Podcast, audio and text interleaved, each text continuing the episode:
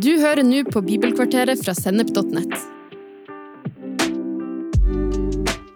Bibelkvarteret er en kvarters påfyll i hverdagen fra Guds ord. Både til inspirasjon og introduksjon til viktige tema i Bibelen. Du vil også finne mer stoff på Sennep.nett som gir deg inspirasjon til å følge Jesus i hverdagen. Følg oss på Facebook og Instagram, og abonner på våre podkaster i den podkastappen som du bruker. Når vi leser historien om Jesus og hører disiplene hans omtale den, så bruker de ordet evangelium. Og det er et ord som jeg har i språket mitt kun i kristne settinger. Altså når jeg leser Bibelen, eller når jeg hører bibelundervisning. Så jeg har jo hørt det, og jeg veit hva det betyr. Jeg veit at det er det kommer fra gresk, og det betyr godt budskap.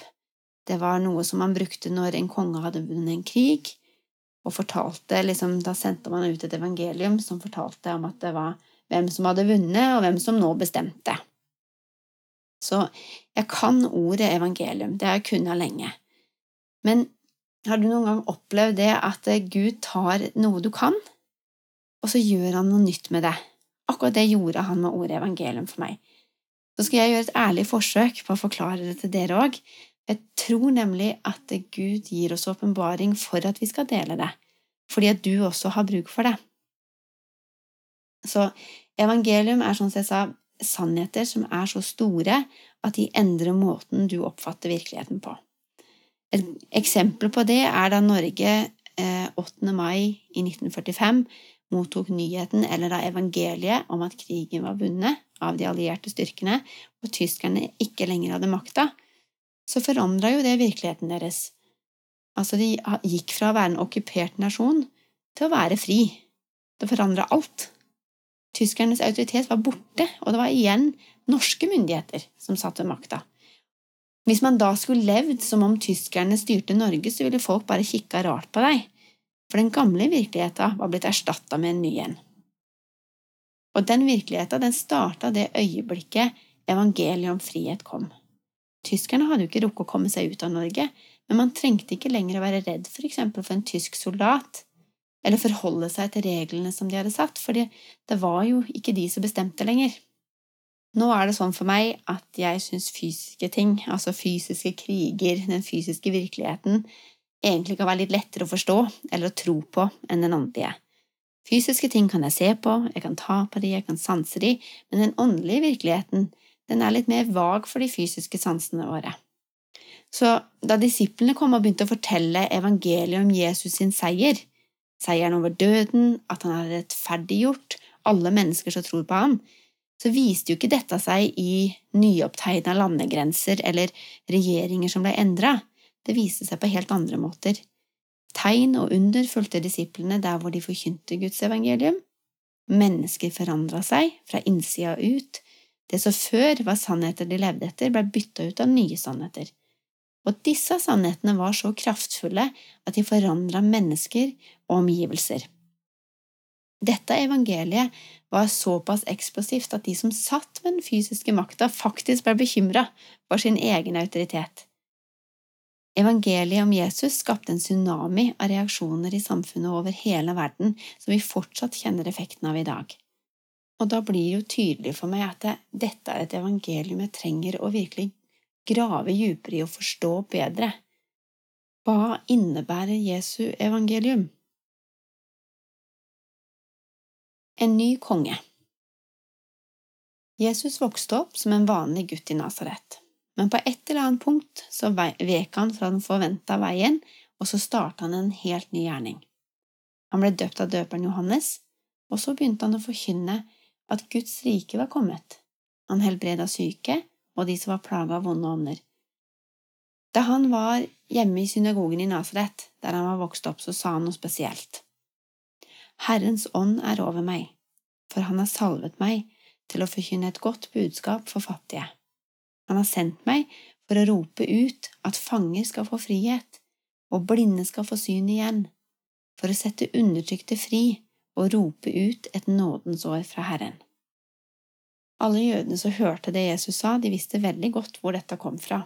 Det var Jesaja som hadde skrevet det. Og da Jesus rulla bokrullen sammen, så sa han, I dag er dette skriftordet blitt oppfylt mens dere hørte på. Altså sa Jesus at nå var han kommet. Nå var det et nådens år. Nå skulle fanger få frihet, blinde skulle få se, og undertrykte skulle få bli fri. Menneskene som hørte på da Jesus sa dette, ble fornærma, egentlig. Dette var jo sønnen til Maria og Josef, som de kjente så godt. Han hadde jo gått rundt i gatene deres, vokst opp blant de. Hvem var han til å si sånn? Altså, hadde ikke de merka det, hvis det var noe spesielt med han? Det endte med at de ikke tok imot evangeliet som Jesus kom med den dagen. Det blei jo for heftig kost. For dette er essensen i evangeliet til Jesus. En som har autoritet til å skape endring, er kommet. Det er kommet en ny konge. Hvordan forholder du deg til det som Jesus sier her? Er det for mektig kost? Har du kanskje ikke merka noe til den friheten som han lover? Det er ganske konfronterende å høre om frihet når man ikke er fri sjøl, men vi trenger å forholde oss til det Jesus sier her. Han er mektig til å sette fanget fri. Han roper ut et nådens år, altså gode nyheter for fattige, og det er Gud sjøl, ved Den hellige ånd, som gir Jesus sin autoritet på jorda. Det er Gud som backer opp det Jesus sier, med kraft å helbrede syke, reise opp døde og drive ut onde ånder rett og slett vise at han er over lovene og kreftene som vi er underlagt, at han er den han sier han er, og at vi trenger å forholde oss til han. Slik Far har sendt meg, sender jeg dere. Mens Jesus var her på jorda, viste han oss hvem Far i himmelen er. Han viste oss at autoriteten hans kom direkte fra Gud ved å gjøre de tegnene og undrene han gjorde. Han fortalte om Guds rike som var så utrolig annerledes enn det alle menneskene rundt han hadde forventa seg. Vi ser stadig at menneskene trodde på Jesus fordi han talte med autoritet, ikke sånn som de var vant til at lederne deres snakka. Jesus utfordra til og med fariseerne på at om ordene hans ikke talte tro til dem, så måtte i hvert fall tegnene han gjorde, skape tro om hvem han var. Vi ser at Jesus viste med ord og gjerning hvem Far i himmelen er, og ved å dø på korset så gjorde han det mulig for oss også å bli del av fellesskapet han hadde med pappa i himmelen. Og her blei Jesu evangelium fullført. I å dø på korset så vant Jesus over døden, og herredømmet i himmel og jord ble gitt til han. Derfor er Jesu evangelium at han er herre over alt. Ingenting er utelukka. Jesu autoritet, hans herredømme strekker seg over alle ting og hans makt er uten ende. Han er den nye kongen. Jorda har til nå vært under død, synd og fortapelse, men Jesus vant over jordas konge og er nå blitt den nye kongen. Evangeliet var fullkomment. Så da Jesus hadde stått opp fra de døde, så sa han noe spesielt til disiplene sine. Fred være med dere. Som Far har sendt meg, sender jeg dere. Dette er ganske sterke ord, når du har Jesus sitt liv, autoriteten hans, hans forhold til pappa i himmelen som bakteppe, så er dette store sko å gå inn i. Men så gjør Jesus nettopp det. Han sender oss. Hvordan i all verden kan han gjøre det? Stole på oss med et sånt oppdrag? Og det er her det blir tydelig at Jesus levde livet sitt også for at vi skulle ha et eksempel et eksempel på hvordan et liv under hans autoritet kan se ut, hva det betyr å ha Guds hellige ånd i seg, og hva det setter oss i stand til. Det betyr faktisk at vi kan si Herrens ånd er over meg, for han har salvet meg til å forkynne et godt budskap for fattige. Han har sendt meg for å rope ut at fanger skal få frihet, og blinde skal få syn igjen, for å sette undertrykte fri og rope ut et nådensår fra Herren. Dette er ganske sterk kost for meg. Jeg kan ikke huske å ha utført veldig mange under. Jeg føler meg ikke spesielt oppesen og har ikke gjort nesten noe som ligner på det som er i Bibelen engang. Og bare det å tenke på sånne ting kan gi meg komplekser. Det er ingenting som tilsier at dette er noe jeg skal kunne gjøre eller leve ut. Men du må huske på det at jødene i Nasaret sto overfor det samme dilemmaet, de. Virkeligheten de hadde å forholde seg til, stemte ikke overens med de store ordene Jesus kom med. Men Jesus kom med sannheten, en sannhet som er mektigere enn alle våre erfaringer. Han sa det så sterkt. Hvis dere blir i mitt ord, er dere virkelig mine disipler. Da skal dere kjenne sannheten, og sannheten skal gjøre dere fri. Legg merke til at det første som må skje, er at vi trenger å bli i Hans ord. Det må få bli stående. Så vil vi få kjennskap til sannheten, som er mektig til å sette oss fri. Fri til å leve på Hans måte, til å følge Han istedenfor menneskefrykt, til å forvente det Han kan gjøre, og ikke bare det som går an. Men vi må velge å tro at det Jesus sier, trumfer våre erfaringer og det livet vårt har fortalt oss. Og så skal sannheten sette oss virkelig fri. Fri til å gå i Jesu fotspor på Jesu måte.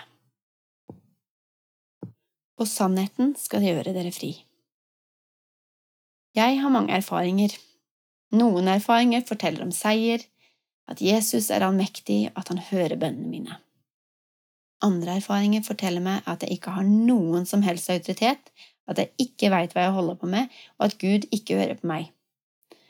Det tipper jeg du også har. Og her kommer dette med Jesu evangelium inn, det Gud viste meg på en ny måte. Jeg kan nemlig se alle dagene mine i mitt liv i lys av Jesu evangelium. Fordi Jesus døde og bana vei for meg til å ha en relasjon med pappa i himmelen igjen, så kan jeg leve hver dag etter Guds rikes ordninger, regler og prinsipper. Fordi Jesus er konge over hele universet, så kan jeg stole på han, uansett hvordan hverdagen min ser ut.